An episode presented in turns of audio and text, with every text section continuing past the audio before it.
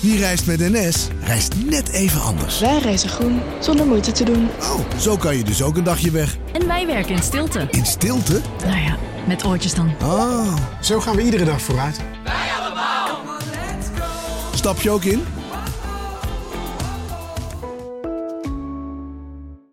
Een maatschappij waarin iedereen meedoet. Een gezonde, groene en rechtvaardige wereld. Daar willen jij en heel veel andere mensen best iets aan bijdragen. In het klein en in het groot. Dicht bij huis en ver weg. Zo hebben we vorig jaar 349 miljoen euro bij elkaar gebracht. Miljoenen waarmee onze goede doelenpartners de wereld elke dag een beetje beter kunnen maken. Nationale Postcode Loterij. Samen voor een betere wereld.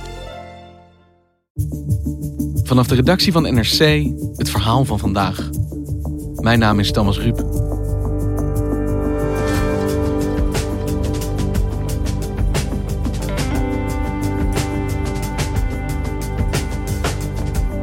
Vorige week lieten ze weer van zich horen. Boeren die demonstreren tegen het Nederlandse stikstofbeleid. De boerenprotesten duren nu bijna een jaar. Maar wat hebben ze opgeleverd? Redacteuren Geertje Tunter en Jorg Leijten doken in de boerenbeweging en zien hoe overheid en agrarische sector steeds verder uit elkaar drijven. Maar ook de boeren onderling.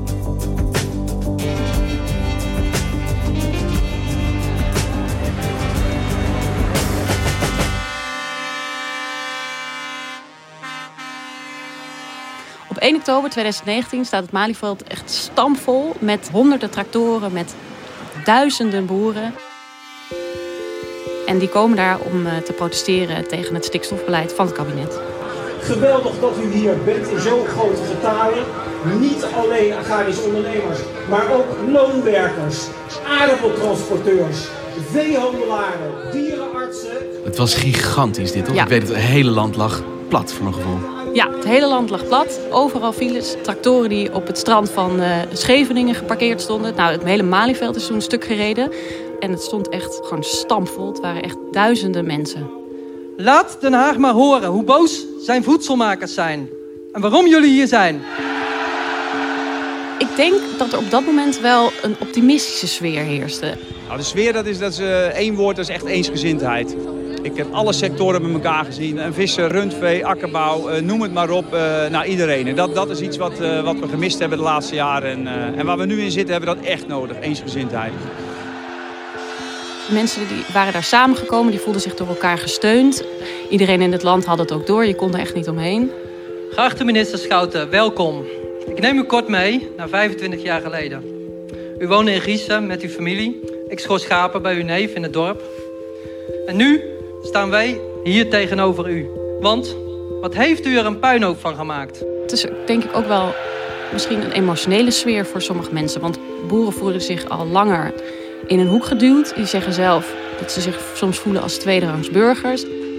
Vindt u het normaal dat we worden weggezet als milieucrimineel, als dierenmishandelaar, omdat we voor jullie voedsel zorgen? En door die stikstofmaatregelen waren ze ook bang dat zij er weer bekaaid van af zouden komen. Dus eh, ik denk dat op dat moment een heel hoopvol iets was. Omdat ze dachten, kijk, dit is zo'n belangrijk signaal. Wat hier gebeurt, dat kunnen we niet negeren. Dat kan de politiek niet negeren. En hoe zou je de sfeer nu beschrijven rond de boerenprotesten? Nou, een groot verschil denk ik met hoe dat op 1 oktober was.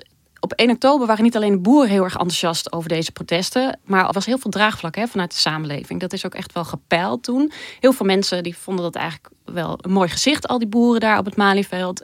Inmiddels is dat draagvlak echt wel afgenomen. Dus mensen vragen zich af, ja, jeetje, die boeren gaan weer de, de straat op. Waarom is dat eigenlijk? En bij de boeren zelf de strijdlust is er nog steeds, in ieder geval bij een deel van de boeren. Maar het optimisme is denk ik grotendeels weggevallen. En ehm, het is ook wel duidelijk geworden over de afgelopen maanden dat ze in Den Haag eigenlijk helemaal niet zoveel hebben kunnen halen. Zeker niet wat ze hadden gehoopt. Dus nu, bijna een jaar later, is dat hoopvolle gevoel niet helemaal meer aanwezig. Nee, zeker niet, zou ik eigenlijk zeggen. Samen met mijn collega Jorg Leijten zijn wij in dat boerenprotest gedoken en ook in de organisatie die daaruit is ontstaan. En wij wilden graag weten Hoe kan het dat iets dat zo hoopvol en snel ontstaan is, hoe kan het dat dat in een paar maanden tijd eigenlijk helemaal verkruimeld is? Dat er eigenlijk niet meer zoveel van over is.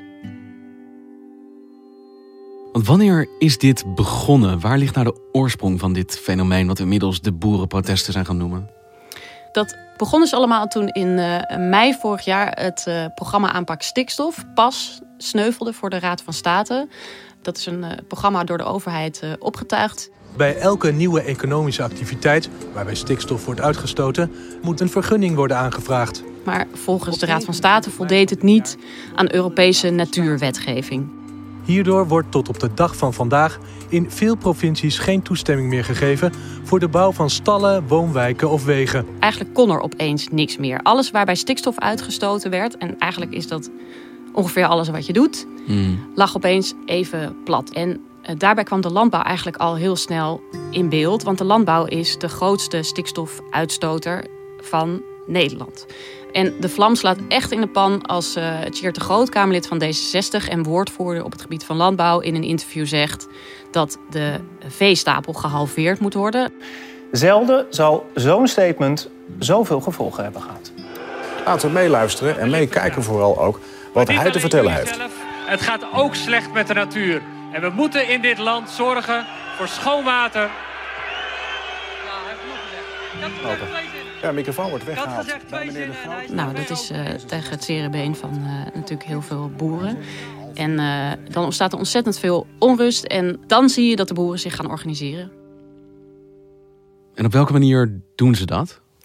Twee hoofdrolspelers zijn uh, belangrijk. Uh, aan de ene kant is dat Farmers Defence Force, een club die ontstaan is naar een bezetting van een varkenstal in Bokstel.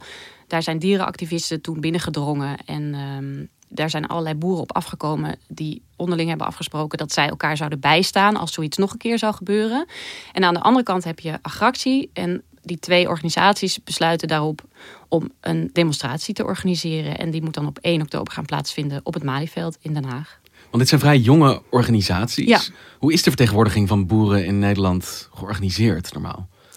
Nou, de belangrijkste boerenspeler eigenlijk, en dat is al decennia zo, is LTO, de Land- en Tuinbouworganisatie. Normaal gesproken in Den Haag he, overleggen ze met LTO over landbouwbeleid.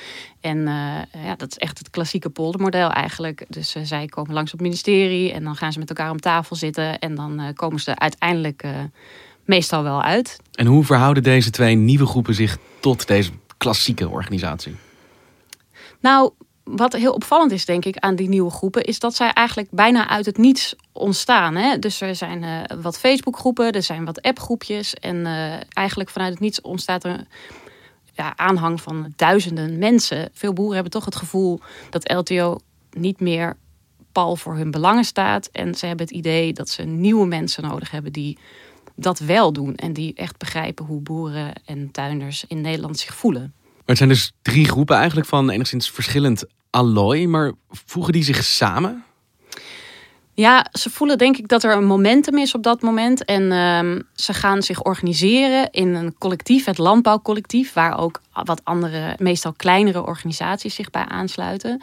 Want ze denken dat ze samen eigenlijk beter een vuist kunnen maken. En zij willen heel graag samen om tafel met minister Schouten. Want ze zeggen, we hebben elkaar nodig om sterk genoeg te kunnen staan, maar dan moet je je wel over elkaars verschillen heen kunnen zetten. Ja, en dat is natuurlijk helemaal niet zo makkelijk. En lukt ze dat? Lukt het ze ondanks die verschillen om als collectief in gesprek te raken met de overheid?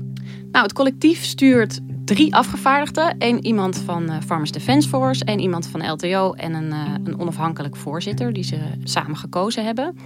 In december, dat is vlak voor de kerst geweest, mogen die drie mensen ook op het katshuis langskomen voor een ontbijtje. Het is ook echt uh, fijn in kerstsfeer. Er staat een kerstboom achter. Er staat uh, kannen met jus en croissantjes voor ieders neus.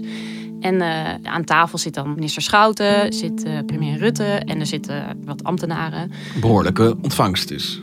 Ja, dat zag er best wel chic en keurig uit. En één opvallende afwezige, die daar dus niet aan tafel zit, is Mark van der Oever. Dat is denk ik een van de bekendste namen van Farmers Defence Force. Maar hij drukt wel zijn stempel op wat er daar gebeurt. Een paar dagen voor dat overleg in het katshuis heeft hij bijvoorbeeld een uitspraak gedaan waarin hij boeren vergelijkt met de Joden tijdens de Tweede Wereldoorlog. U, u vergeleek de manier waarop de boeren uh, uh, worden behandeld begreep ik dat nou goed, met de jodenvervolging in de Tweede Wereldoorlog? Dat lijkt wel een beetje op, of niet? Het is een, kleine bevolkingsgroep die systematisch in de hoek gedrukt wordt, van een land verdreven wordt. Dus ja, zoek de vergelijking. Uitgemoord?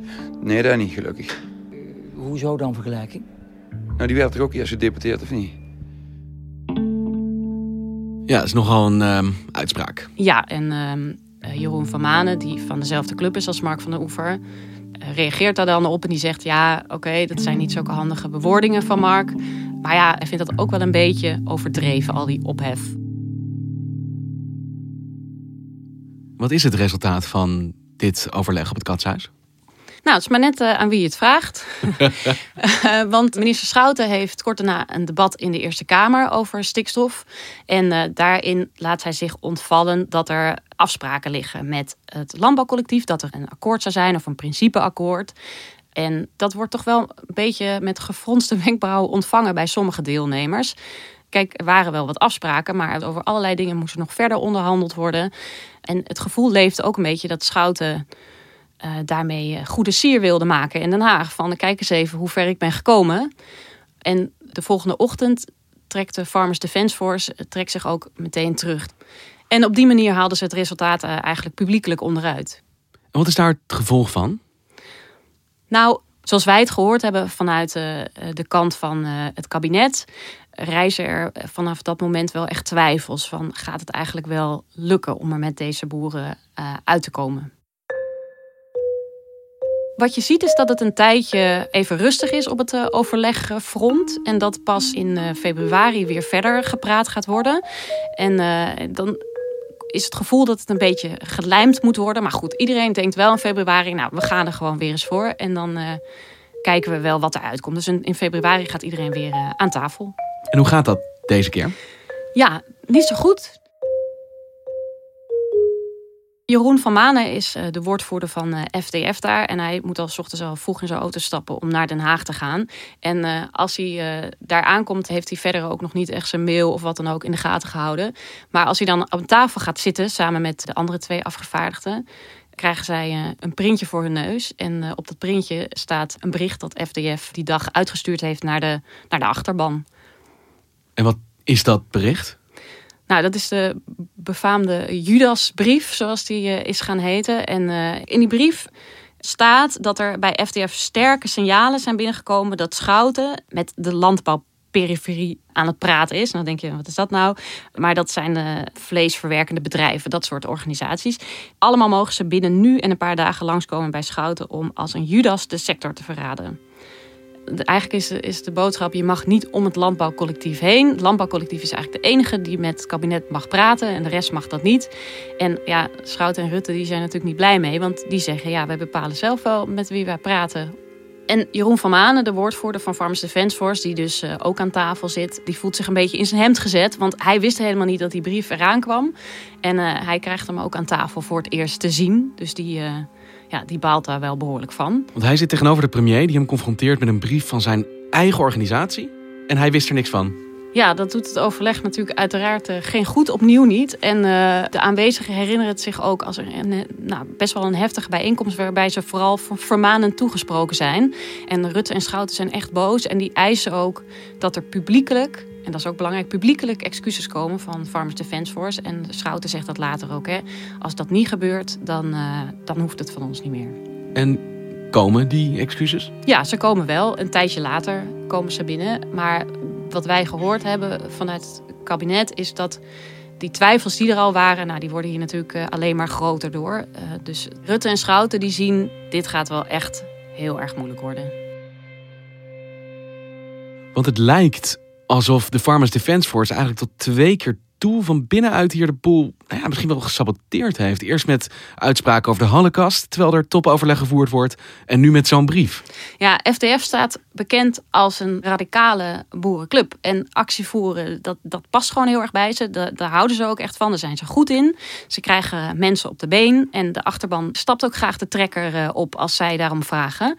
En er zijn ook wel mensen die zeggen ze willen gewoon graag actie voeren. En er reizen ook wel twijfels bij andere deelnemers van het landbouwcollectief of, of zij überhaupt wel tot een akkoord zouden kunnen komen en of ze dat wel zouden willen. Want het radicalere imago, in ieder geval in vergelijking met die andere clubs, waar komt dat vandaan? Nou, wat FTF al een hele tijd achtervolgt, is dat er wat incidenten zijn met FTF-achterban die ehm, dingen doen waardoor mensen zich bedreigd voelen. Het Kamerlid uh, de Groot, dat eerder al zei dat hij de veestapel wilde halveren. Mhm. Hem komt ter oren dat op FTF-kanalen eh, dat er mensen zeggen dat hij eh, een propje lood verdient, bijvoorbeeld, om zijn uitspraken. Hij schrikt daar natuurlijk van, dus hij doet daar aangifte van. En er zijn meerdere mensen die aangifte doen van incidenten die bij FTF of bij FTF-sympathisanten vandaan komen. Minister Ollengren heeft aangifte gedaan van bedreigingen. Minister Schout heeft aangifte gedaan van bedreigingen. Voelt u zich nog veilig genoeg om nu naar een plek te gaan waar meer boeren bij elkaar zijn? Ik zal altijd in gesprek blijven gaan met mensen. En altijd met. En weet je, ik kom ook zoveel echt gewoon uh, mensen tegen, boeren tegen, die heel graag dat gesprek wel aangaan. Bedoel, maar de boeren zijn natuurlijk ook wel naar, naar particuliere huizen van mensen gegaan die een opinie bijvoorbeeld hebben die ze niet bevalt. Kunt u gewoon naar huis? Ik ga gewoon vanavond naar huis, ja. Het is niet altijd makkelijk te zeggen hè, of dat echt bij FTF vandaan komt, maar dat het mensen zijn die sympathie hebben met FTF, dat is vaak wel duidelijk. Want het is niet zo dat je een lidmaatschapspasje hebt dat je kan zeggen dit is vanuit de FDF, maar die link met deze groep is wel zichtbaar. Ja, omdat vaak dat soort dingen bijvoorbeeld gebeuren in eh, appgroepen van regionale afdelingen van FDF of die gebeuren op de Facebookpagina van FDF. Dus op die manier is er wel een link. Want als zo'n lidmaatschapspasje, wij van spreken, niet echt bestaat van de FDF, wat verenigt de achterban van de FDF dan? Wat denk ik goed is om te zeggen is dat een deel van de boeren voelt zich gewoon al, nog voordat die stikstofproblematiek ontstond, hè, voelen zich al heel erg in een hoek gezet. Dus zij hebben het idee dat ze in Nederland eigenlijk helemaal niet meer zo welkom zijn. Uh, zij moeten al jarenlang steeds voldoen aan strengere milieuwetgeving. Dat zijn soms hele dure investeringen die ze moeten doen. Zij zien het van, ja, wij doen ons best. En we krijgen er alleen maar gezeur mee terug. En die mensen die vinden denk ik in FTF een stem. Want FTF zegt, uh, wij horen bij Nederland en wij vechten voor jullie. En uh, er wordt gewoon niet meer van de landbouw uh, afgenomen dan nu al afgenomen is. Hier houdt het op. Wat ook steeds meer opvalt bij die protesten die de laatste tijd uh, weer zijn geweest op het boerenfront, is dat er niet alleen boeren meedoen uh, met deze protesten, dus mensen met echte agrarische achtergrond, maar dat er steeds meer andere mensen op afkomen. Bijvoorbeeld mensen van viruswaanzin, hè, dus mensen die zich tegen de huidige coronamaatregelen verenigen, die sluiten zich aan. En de gele hesjes die sluiten zich ook aan bij de protesten. En zo zie je dat het een bredere beweging wordt van mensen die onvrede hebben op de een of andere manier met Den Haag. Wat wij ook gehoord hebben is dat de NCTV, dus de Nationaal Coördinator Terrorismebestrijding, dat die FTF in het vizier hebben. Ze hebben daar in mei ook al uh, melding van gemaakt. En wij hebben bronnen die aan ons bevestigen dat zij ook de huidige, de, de nieuwe boerenprotesten heel goed in de gaten houden. En dat zien ze bij de NCTV dus ook, dat die Farmers Defence Force eigenlijk bijna een soort cocktail aan het worden is van verschillende maatschappelijke tendensen met als gemene deler onvrede en misschien ook wel argwaan tegen de overheid. Dat hebben ze zeker met z'n allen gemeen, inderdaad. En als de Farmers Defence Force zich op die manier aan het ontwikkelen is, hoe gaat het dan met dat overleg waar zij toch nog steeds ook een partij in zijn? Ja, eigenlijk loopt dat steeds moeizamer. En uh, als we zo ongeveer in april zijn, dan zijn er echt wel een aantal deelnemers van het landbouwcollectief die zeggen: Nou, ik vermoed niet dat wij hier nog uit gaan komen. Dus de twijfels worden echt steeds groter. Dus dan is het wel duidelijk. Dit loopt echt niet goed meer. Want dit collectief is ontstaan met het idee: we moeten onze krachten gaan bundelen als we hier iets willen bereiken.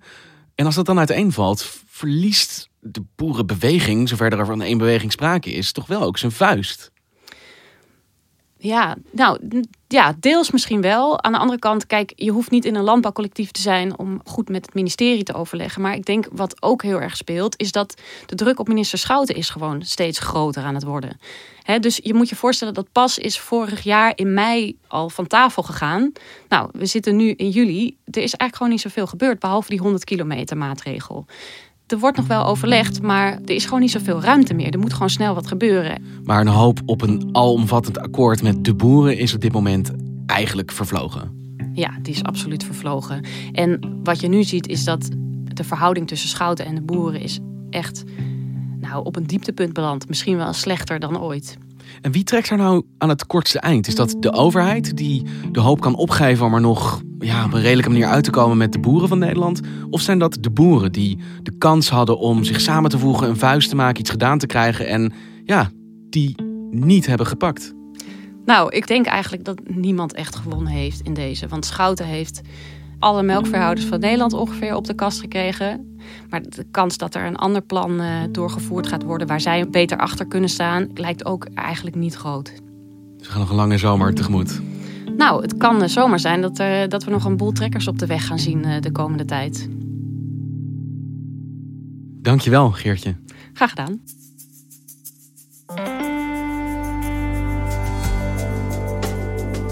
Je luisterde naar vandaag, de podcast van NRC. Eén verhaal, elke dag. Dit was vandaag, morgen weer.